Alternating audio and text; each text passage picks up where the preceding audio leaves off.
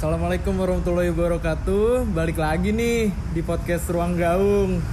Setelah sekian lama tidak mengudara alias vakum, kali ini podcast Ruang Gaung balik lagi bersama podcaster yang semut-mutnya ya kalau kita lihat dari episode-episodenya. Jadi di episode kali ini gue juga nggak sendiri nih kayak biasanya gue bakal ditemenin ngobrol untuk episode-episode ruang gaung ini sebelumnya apa kabar nih? Ruang gaung mania mantap nih gila. Nah di episode kali ini ruang gaung bakal collab sama podcast pulang ke rumah. Nah siapa sih podcast pulang ke rumah itu? Setahu gue sih yang punya podcast pulang ke rumah itu orang penting banget tuh. Pokoknya pokoknya di setiap acara lah di setiap program kerja lah. Pokoknya nama dia nih selalu ada gitu loh. Sebagai pembina sebagai koor pokoknya top lah. Langsung aja kita sambut. Ini dia Galvin. Halo, ruang mania mantap, mancing mania. luar biasa. Jadi gimana Bung Fadel kabarnya? Woi, sabar dong sabar dong. Sorry kebiasaan, kebiasaan. iya jadi setelah sekian lama nih bang gua nggak nggak upload. Akhirnya gua upload lagi nih bareng sama lo gitu Males sih kan lo. iya gimana kan lagi sibuk kemarin nah kalau yang kita lihat-lihat kan sekarang lagi ppkm terus nih Vin. Masa sih? ya kan Oh iya ya. Sumpah gue di rumah doang sih, kayak ansos gitu gue. Iya. PPKM bener selama ini ya? iya parah Gue terakhir keluar tuh 2017 gua. Waduh. iya, jadi dari kemarin kan PPKM diperpanjang, diperpanjang. Katanya sih diperpanjang sampai jadi debu, Bang. Waduh. Gak siap lagi. Nyiapinnya dua minggu lu ya?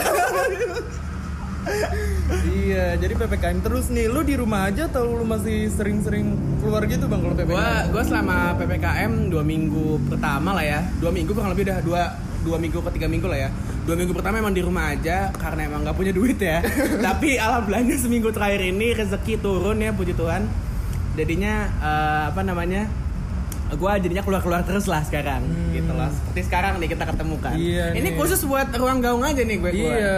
parah Cuman kita kan keluar juga tetap mematuhi prokes. Emang ya? Oh iya, iya. ya nggak kita sesuai prokes kok kayak gitu. Ini dari tadi kita nggak pakai masker, Oh. hand sanitizer kita semprot semprotin tapi nggak ke tangan. Parah. Duduk nggak ada social distancing. Nggak ada. Apa, Apa itu itu? corona? Bercanda, bercanda. Nah, bercanda. Corona ada, tapi saya nggak percaya. Eh nggak Ah, percaya, percaya. Gimana, gimana, gimana? Nggak ada jerings ya. Wow, wow, wow, wow. Anda ada Emang- pipnya kan? Emang sangat beresiko ya membuat pod- podcast Iya. dengan Anda. Maaf nih biar lucu. Iya, jadi PPKM kayak gini otak tuh harus butuh refreshing nih, Vin. butuh wah parah butuh banget Parah mati ya. gaya di rumah aneh ya gue ngerasa tuh kayak kan dulu ya zaman zamannya kita lagi nggak ada apa-apa nih ya lagi nggak ada pandemi segala macem perasaan banyak pengennya di rumah mulu kan Iya. kayak aduh males nih keluar kayak gitu kan tapi sekarang kelamaan di rumah banyak pengen keluar gitu loh emang Iya. aneh gitu sebenarnya Aneh gitu. emang. Gitu Nah, jadinya Dari kemarin kan juga banyak yang protes nih kan. PPKM diperpanjang tapi bansos juga nggak terlalu banyak yang turun gitu, nggak merata lah kalau yang gue lihat bansos kan. tuh naik lah gue liat-liat naik banget. jadi bukannya turun tapi naik, Naik, iya naik, naik. bapak Nah, tolong bapak Aduh. Tapi yang gue lihat dari PPKM atau COVID ini, Vin, Hmm. kita tuh jadi terbiasa dengan hal-hal yang tadinya nggak enak gitu. Hmm. Kayak kita membuat kenyamanan dari sebuah sebuah apa ya? Ketidak Sebuah- ketidakpastian gitu loh. Hmm. Jadi kan dari kemarin kita nih nggak pasti nih kapan Iya. kita boleh keluar, kapan PPKM selesai. kapan gitu. dia suka sama gua Waduh. Oh, ketidakpastian juga tuh bener bener bener nah cuman kan kalau ppkm kayak kayak gini kan masih banyak orang juga yang butuh makan gitu Betul. kan nah jadi menurut gua nih ppkm juga nggak nggak segitu efektifnya gitu loh. Hmm. kalau menurut lu gimana Vin? menurut gue malah nggak efektif sama sekali. Kenapa? Karena ini baru banget kemarin ya. Maksudnya eh, boleh gue kasih tau nggak ini kita tag tanggal berapa? Boleh boleh. Eh, tapi gue lupa gue liat dulu.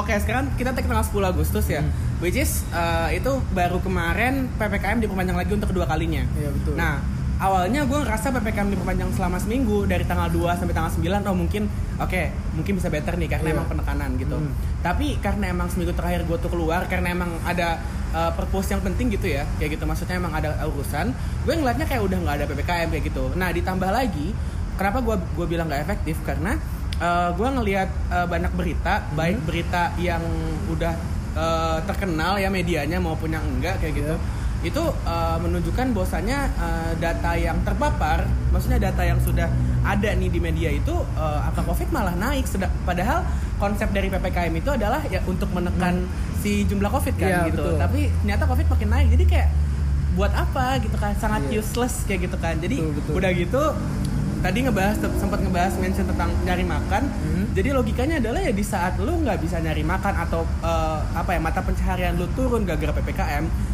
Padahal tujuan ppkm itu untuk uh, apa namanya menekan Mengurangi. iya mengurangi si angka covid ini tapi ternyata angka covid naik jadi buat apa lu dari kemarin di rumah aja atau misalnya kayak me- apa namanya lu harus online kalau lu dagang atau gimana gitu kan udah nggak bisa dine in misalnya kalau restoran jadi Iya, kayak iya. suatu hal yang percuma banget sih menurut gue kayak gitu Iya. Soalnya gue juga kan uh, termasuk UMKM lokal nih bang. Hmm. Jadi UMKM gue ini juga mengalami keturunan yang Iya, sangat kan? amat drastis Ah, sih. berasa banget ppkm pasti. ini.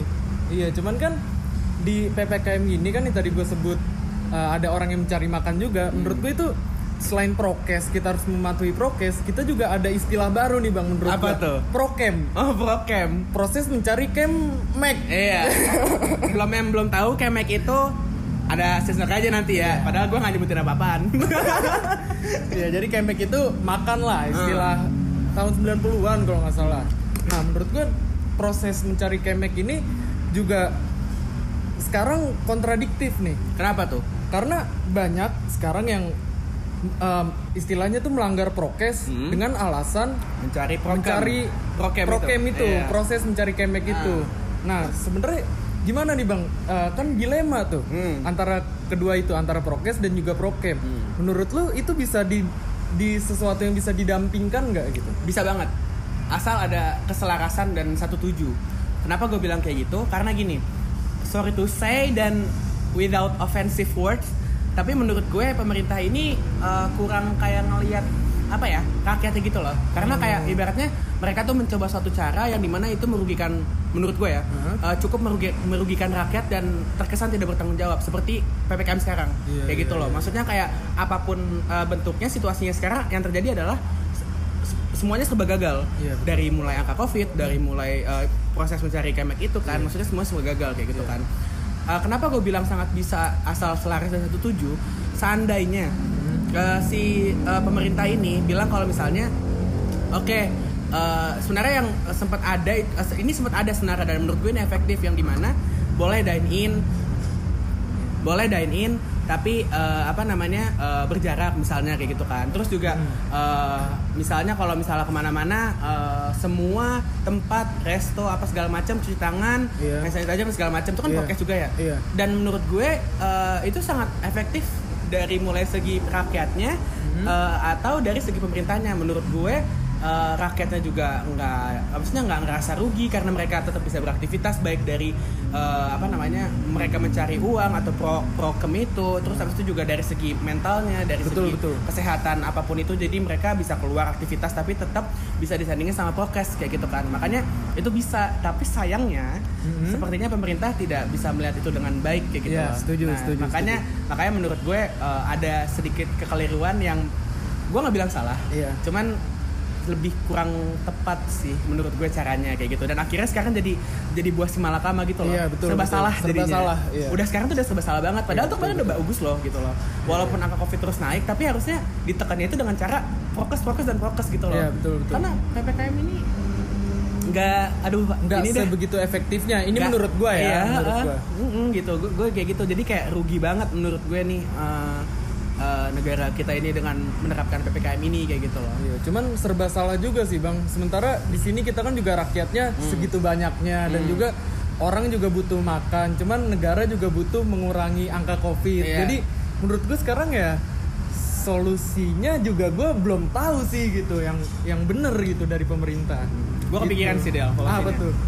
edukasi edukasi. Menurut gue itu eh, literasi orang Indonesia khususnya seumuran kita nih Hmm? 20-an sampai 25 lah kayak gitu. Itu kurang banget gitu loh. Jadi maksudnya Setuju, setuju. menurut gue eh, gue akan menyambungkan dengan omongan gue sebelumnya yaitu dengan keselarasan dan satu tuju Ya. antara pemerintah dengan rakyat itu bisa banget digaungkan seperti ruang gaung gitu. Waduh. the best, the best, the best. Masuk tuh. Masuk, masuk. Gini-gini gue dibayar nggak salah gue nih. Gue bayarin nih ada ada red cardnya gue nih anak aja ya enggak jadi maksudnya tuh eh, apa namanya bisa apa ya bisa menurut gue solusi salah satu solusinya adalah literasi gitu loh kayak apa namanya kayak eh, pengedukasian kayak gitu jadi eh, gimana caranya ya kayak eh, layanan masyarakat lu lihat nggak layanan masyarakat Singapura Iya, itu keren Let's- banget let's sih. bla bla let's vaccinate gitu lah Iya, iya. pokoknya Itu keren banget Nah sumpah. maksud gue tuh eh, apa ya? Itu kan kayak milenial banget ya. Iya, setuju. kayak apa namanya? Kayak ini banget lah. Dekat kayak, banget ke masyarakat. Ah, ah, gitu loh. Jadi maksudnya mas- masyarakat juga ngerasa itu kan eh, mereka objektivitasnya itu ini ya, apa namanya eh, vaksin. Vaksin, gitu kan. iya. Nah masyarakat juga jadi ngira kayak ah vaksin aja kali ya kayak gitu kan. Nah, Udah lah, iya. kayak gitu kan sering lihat di TV apa segala macam. Sedangkan kok Indonesia mengeluarkan hal-hal yang menurut gue nggak nggak fit sama masyarakat gitu loh kayak Iya, gitu. Nah setuju, itu setuju. makanya kayak literasi terus juga mungkin cara-cara yang seperti Singapura itu itu works banget gitu loh. Sebenarnya simple enggak, cuman kita bisa meniru gitu loh, bisa mengkomodifikasi, Nah, menyesuaikan iya, caranya iya, gitu betul, loh. betul. Gitu. Menurut gua Indonesia tuh hanya butuh sistem ATM loh. apa tuh? ATM Am- itu amati, amati, Tiru, makan. modifikasi. Oh. Gue kira amati tiru makan, amati tiru modifikasi. modifikasi. Jadi kita nggak perlu ngebentuk sesuatu yang baru, Hmm. kita hanya perlu mengamati, meniru yang sudah ada, lalu memodifikasi. Iya, which is itu ngefit in ke Nah, negara kita kan nah, gitu. betul. Iya, nggak mungkin Gitu. dong ada joget-joget yang pakai bajunya kayak gitu Nah, kan. Kan itu Indonesia kan dia. negara yang sangat syar'i. Syari banget negara. Iya. Ya, ya, kuaks. iya. Jadi dalam COVID ini juga kan banyak proses nih bang. Hmm. Kita kan juga proses dalam yang tadinya kita bete lah, Hmm. COVID nggak bisa keluar. Lama-lama kita atau daring, semua semua semuanya serba daring gitu. Tapi lama-lama kita juga semakin nyaman dalam keadaan itu gitu. Kayak ah nggak usah kuliah offline lah, kuliah online lebih enak, lebih bisa nyontek lah, apalah. Itu kan sebenarnya kan kita kan mendapat kenyamanan dari sebuah ketidakpastian nih. Betul. Nah itu tuh menurut lo itu bakal berdampak baik atau buruk buat kita ke depannya? Kalau gue analisa masa depan ya, walaupun gue bukan cenayang, Mhm. menurut gue itu eh, suatu hal yang baik karena secara tidak langsung kita sudah menjalankan eh, yang namanya masa depan yang serba digital. Iya betul. Karena seperti yang kita tahu eh, pas zaman gue SMA pun itu juga gue ngerasanya masa depan itu akan serba digital. Iya. Gue nggak tahu ini Tuhan punya rencana apa, cuman dengan adanya pandemi ini secara tidak langsung, Iya. secara dengan terpaksa kita mencoba untuk serba digital, Iya, setuju. which is kayak daring, online Iya. apa segala macam, rapat, eh, kuliah apa segala macam online kayak Iya. gitu. Jadi maksud gue kalau lo tanya akan apa tadi eh, berdampak, berdampak baik itu atau baik buruk? menurut gue baik kayak gitu loh Eh, kenapa ya karena tadi gitu loh jadi kita sudah siap secara nggak langsung Iya, kayak gitu setuju, kan maksudnya kalau misalnya ya, gue nggak mau ngomong ini adalah sebuah apa ya rezeki atau Hmm. berkat cuman lebih seandainya corona itu nggak ada menurut gue sekarang kita masih offline dan Iya, kita nggak iya. mengepush diri kita untuk gimana caranya contoh deh misalnya kayak kita kan sering buat event online ya Iya. mungkin kalau di 2017 bikin konser online itu tuh kayak gimana caranya Iya. Iya. kayak gitu kan Dan mungkin bahkan gak ada pasarnya gitu. Iya gitu loh. Tapi sekarang karena keadaan mau nggak mau Iya, dan betul. ternyata works Iya. gitu loh dan maksudnya kayak banyak banget exp- new experience gitu loh. Makanya menurut gue kenapa sekarang itu new normal is a normal. Iya. Tapi eh, yang masa lalu itu Mhm. akan menjadi new normal lagi bagi kita Iya, nantinya. Betul, betul. Kayak gitu loh. Jadi kita akan mengulang apa yang sudah kita lakukan nih di masa Hmm. depan. Tapi kita juga sudah memulai sesuatu yang baru mulai dari sekarang menurut Iya. gua. Gitu. Nah, sebenarnya kan dari yang tadi proses serba digital ini kan butuh proses juga nih, Bang. Hmm. Sama kayak hidup gitu kan, Bang. Hmm. Semuanya tuh serba proses Iya, dari iya. mulai kita yang tadinya bukan siapa-siapa atau mungkin sekarang kita mungkin siapa-siapa untuk beberapa orang gitu. Tapi di sini nggak menganggap kita wah kita punya nama atau siapa enggak gitu. Cuman dalam berproses ini kan kita kan melewati banyak rintangan nih gitu Betul. kan. Nah, lo nih sebagai Galvin gitu. lo tuh melihat sebuah proses dalam kehidupan tuh gimana sih, Vin? Akankah itu lu sangat mendewakan hal itu atau lu menganggap itu sebagai hal yang biasa gitu? Em, agak berat nih. Iya. emang, emang. Jadi gini, eh, Jujur eh, di tahun ini menurut gue tahunnya gue bersinar sih. Menurut gue kayak gitu. Tapi sebelum tahun ini bersinar di tahun 2020 itu kayak gue hampir kehilangan semuanya. Kayak gitu loh. Gue hampir kehilangan semuanya gitu.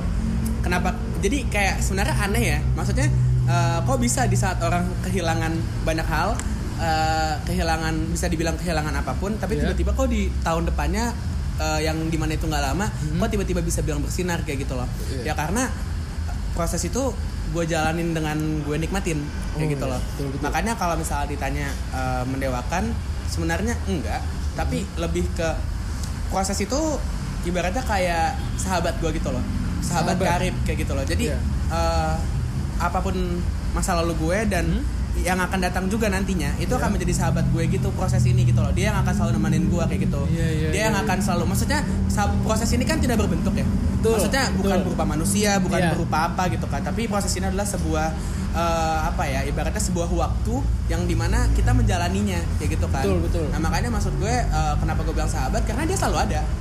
Kayak gitu loh. Betul, betul. pahit manisnya Setuju, selalu setuju. ada. Ya tergantung lo ngeliatnya aja kayak gitu Iya, loh. iya. nah eh, makanya gue bilang eh, dia dia kan tuh proses lah. Proses kayak orang aja kan. Proses itu eh, sahabat bagi gue gitu loh. Jadi dibilang mendewakan juga enggak tapi kalau nggak ada dia gue nggak jadi kayak sekarang. Iya, berarti eh, dalam istilah lain kita tuh sebenarnya hidup berdampingan dengan, prosesnya itu. iya betul. Kurang lebih kayak gitu gitu loh. Lu lu kalau lu naif banget. Kalau misalnya lu bilang eh, misalnya lu udah anggaplah skala hidup 1 sampai 10 Hmm. terus habis itu lu udah sti- ke titik 10 misalnya kayak gitu. Terus bilang ya gua mah begini eh, bukan karena proses kayak gitu loh. Karena Iya. karena misalnya kayak rezeki tiba-tiba atau sebuah keberuntungan. Menurut gue tuh keberuntungan itu nggak ada ya. Menurut lu? menurut gue keberuntungan nggak ada. Karena kenapa? Karena eh, keberuntungan itu terjadi karena adanya peluang. Iya. kayak gitu. Peluang itu dilihat dari kita melihat peluang. Berarti sebenarnya kita tuh tahu Iya. kalau misalnya kita tuh bisa ngambil itu dan kemungkinan besar sukses. Iya. jadi nggak ada yang namanya beruntung. Kayak misalnya contoh gue. Di tahun ini gue banyak banget ikut kegiatan. Organisasi apa pun lah gitu banyak. Gue di dua tahun lalu atau tiga tahun lalu itu gue dikit panitiaan atau gue dikit gitu ikut organisasi walaupun mungkin aktif kayak gitu tapi Iya, nggak betul, seaktif yang sekarang Hmm. apalagi sekarang alhamdulillahnya gue ada di ibaratnya apa apa tuh jadi yang ditanya gitu loh bukan berarti gue jago apa gimana cuman Iya. alhamdulillahnya gue dipercaya dipercaya sama banyak orang untuk menjadi tempat konsul kayak gitu Karena lu mungkin punya pengalaman juga gitu, Bang. Nah, maksud gue adalah eh, gue meli dulu gue melihat eh, celah di organisasi ini atau di kegiatan yang sekarang gue lagi jalanin. Kalau misalnya kayaknya jalan gue di sini deh, jalan ninja gue di sini deh kayak gitu. Akhirnya gue ambil dan alhamdulillah gue jadi kayak gini. Gue gue pernah gue sering banget ngobrol sama orang kayak gue beruntung banget nih udah sampai sini. Kayak menurut gue nggak beruntung.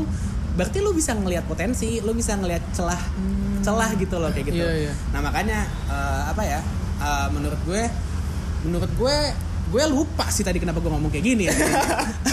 Enggak, karena karena menurut gua nih, Bang ya. Hmm. Keberuntungan itu terjadi karena adanya kesempatan dan kemampuan. Ah, Menurut gua kemampuan itu bisa diasah dan kesempatan itu bisa dicari. ah, Cuman di sisi lain, Hah? gue juga percaya keberuntungan itu ada. karena? Karena menurut gua keberuntungan itu Tuhan. Oh gitu. Menurut gua. Ah. Karena menurut gua di hidup ini ada faktor X. Oke. Faktor X itu yang gue namain sebagai beruntungan. Ah. Itu menurut gua. Cuman gue masih 50-50 juga. Aduh, sorry ya nih. Soalnya kita nih di pinggir Sorry, sorry. banget nih. Temen gue jamet soalnya Jamet, tadi. ngabers, ngabers, Ngabers. banyak ngabers gitu. Aduh, ini ngabers lagi serius-serius juga. Jadi Iya. gitu deh ya. Iya, menurut gue, gue masih 50-50 nih tentang keberuntungan itu. Cuman kalau untuk proses, gue sih secara pribadi, gue sedikit mendewakan sebuah proses, bang. Karena menurut gue, proses itu adalah sebuah apa ya? Nggak bisa gue definisikan. Cuman menurut gue itu yang ngebentuk gue sampai sekarang gitu. Jadi gue gue nggak pernah sangat nggak pernah mau melupakan sebuah masa lalu menurut gue Hmm. karena dari masa lalu itulah gue berproses Hmm. sampai menjadi sekarang sebenarnya sekarang gue juga nggak gimana gimana cuman gue sedikit beruntung aja gitu dalam berproses menurut gue gitu Ya jadi sebenarnya sih ti- bedanya tipis sama gue kayak gitu kan. Iya. Ya gue melihatnya bener. eh bahasa gimana ya halusnya? Bahasa halusnya tuh ya gue percaya bahwasannya emang eh, Tuhan itu punya andil lah di kehidupan gue Mhm.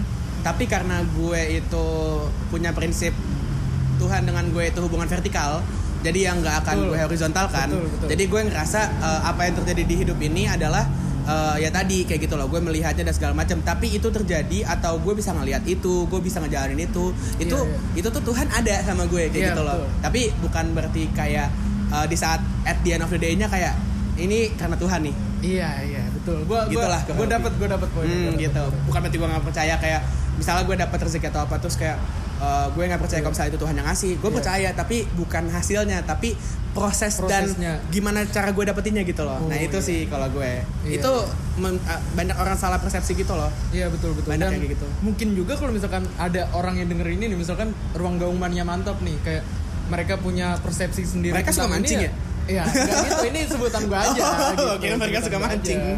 Soalnya ya terserah kalian juga ini mau menganggap ini seperti apa. Cuman ini kan kita kan di sini ngobrol berdasarkan persepsinya Galvin Hmm. sama persepsinya gua gitu. Jadi kalau menurut gua opini pribadi itu nggak ada salahnya. Betul. Dan se- sebenarnya gue di sini sama Galvin juga beda persepsi. Hmm. Cuman karena kita karena kita ngobrol gitu, kita jadi tahu gitu persepsi dia apa, persepsi gue apa. Hmm. Kan di sini kan yang yang penting kan saling menerima gitu. Betul. Itu yang enaknya diskusi kayak gitu Iya, loh. betul. Gitu. Nambah insight. Nambah insight bener apalagi kan gue diskusi sama lo nih yang kayak podcastnya gila udah suhu lah menurut Hmm. gue Sifu kali suhu. Sifu kayak di Kungfu Panda tuh sebenarnya masih banyak sisi positif ya bang ya kalau kita ambil dari ppkm ini gitu Bukan ada tapi banyak. banyak cuman di situ kembali lagi kita harus mengambil kesempatan itu ya Hmm. Dan tergantung lo lihat juga. Soalnya gue ngelihatnya mungkin maksudnya eh, kan kebetulan gue juga punya podcast ya, Oh. gitu kan di episode sebelumnya mungkin mau sharing dikit aja. Eh, gue gue meng- apa ya kayak ngelihat situasi sekarang tuh desperate banget gitu loh. betul, desperate betul. dengan proses. Betul. Ya, maksudnya eh, karena kita lagi ngomongin proses Hmm. eh, di sekitar sebulan atau sekitar sebulan setengah nyampe dua bulan lah kayak gitu. Gue ngeliat kayak desperate banget gitu hidup kebanyakan orang gitu loh. iya Eh, mereka merasa proses mereka proses apa pun yang mereka jalanin itu terhambat terhenti. Iya betul. kayak gitu. Ini gue cuma mau ngasih apa ya positif vibes aja sih. Positif vibes aja sih kayak gitu. Eh, gini gue sekarang nih megang sesuatu lah megang poker. Karena yang di PPI gue sebutin aja ya gue megang ngobdar Iya. di eh, Andreas Boga. Iya. Kendala banyak banget. Kayak gitu kendala banyak banget kayak gitu. Tapi eh, kendalanya itu bener-bener rintangannya itu cuma satu.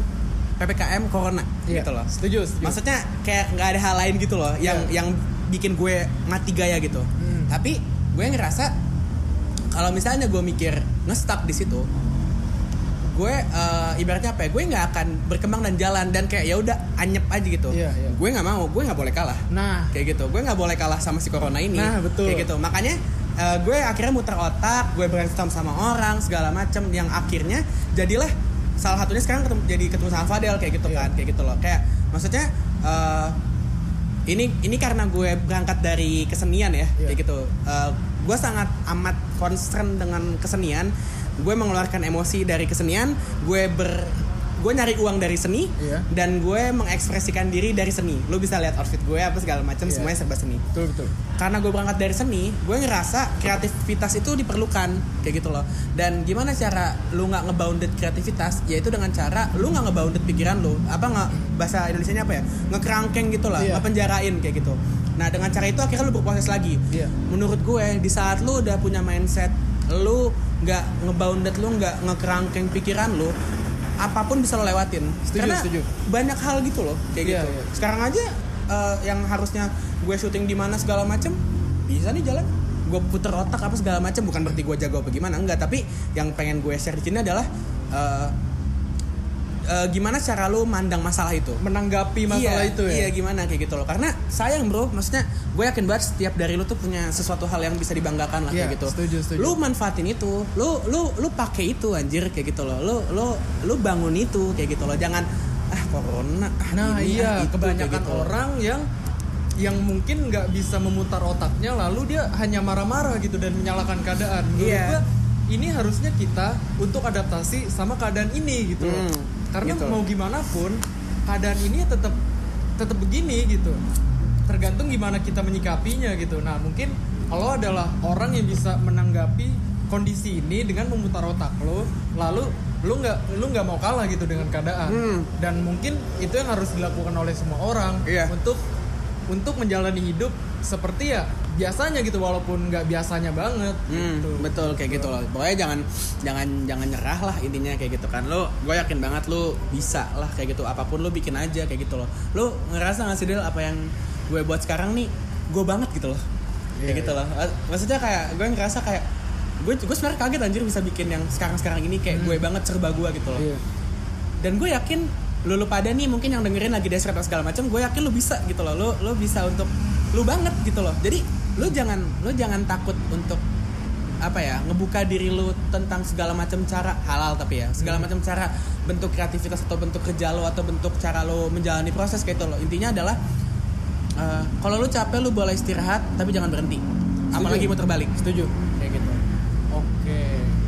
Mantep banget nih emang nih. Dari Galvin pulang ke rumah iya Gila, Galvin pulang ke rumah Gila, brand gue gitu Ntar kalau gue diundang-undang lagi, ya gue dari Gavin pulang ke rumah Itu salah satu teknik marketing anjir Iya betul betul betul. Jadi intinya kita jangan kalah lah sama keadaan gitu. Kita harus bisa adaptasi di mana pun diri kita berada gitu. Betul, berproses lah di mana pun kau berada Belajar dari bunglon Betul betul yang selalu Ganti-ganti warna Nah, sesuai dengan, dengan ya tempatnya ininya. dia. Iya, gitu. heeh. Iya betul betul betul. Oke menurut gua karena kita juga nggak bisa lama-lama nih Masa di sih? sini kan. Anjing gue kira ini 2 jam 20 menit. Oh, 20 menit Kan Lebih dari 20 menit di boom kita. Bentar lagi di boom nih. Aduh, makan Oke, thank you banget nih Galvin ya mau nyempatin waktunya di sisi PPKM kayak gini lah gitu Iya, masih mau ngobrol-ngobrol sibuk banget sama nih ya. Udahlah jangan kayak gitu lah. Nomor Lu rekening gue udah ada kan santai santai. Gua dana pribadi lah ini lah. Ya, kopi 15 M santai gua. Engagementnya naik ini Ya udah, makasih untuk Galvin udah mau gua undang di episode kali ini. Makasih banget, sukses banget nih Del buat podcastnya Amin, amin. Sukses juga buat podcast lo kembali Amin. ke rumah dan Pulang pulang ke rumah ya sorry sorry sorry kan langsung dibentak gue Bentak gue pokoknya segala hal sesu, segala hal dan segala sesuatu yang kita lakukan semoga bisa sukses ke depannya dan kita bisa adaptasi dengan kondisi seperti ini gitu. Amin, amin, amin oke sekian aja episode kali ini. Thank you banget untuk yang udah dengerin. Sekian dari podcast ruang gaung. Gue Fadel pamit undur diri. Gua Galvin pulang ke rumah pamit juga. Mantap. See you on the next episode. Bye Bye-bye. bye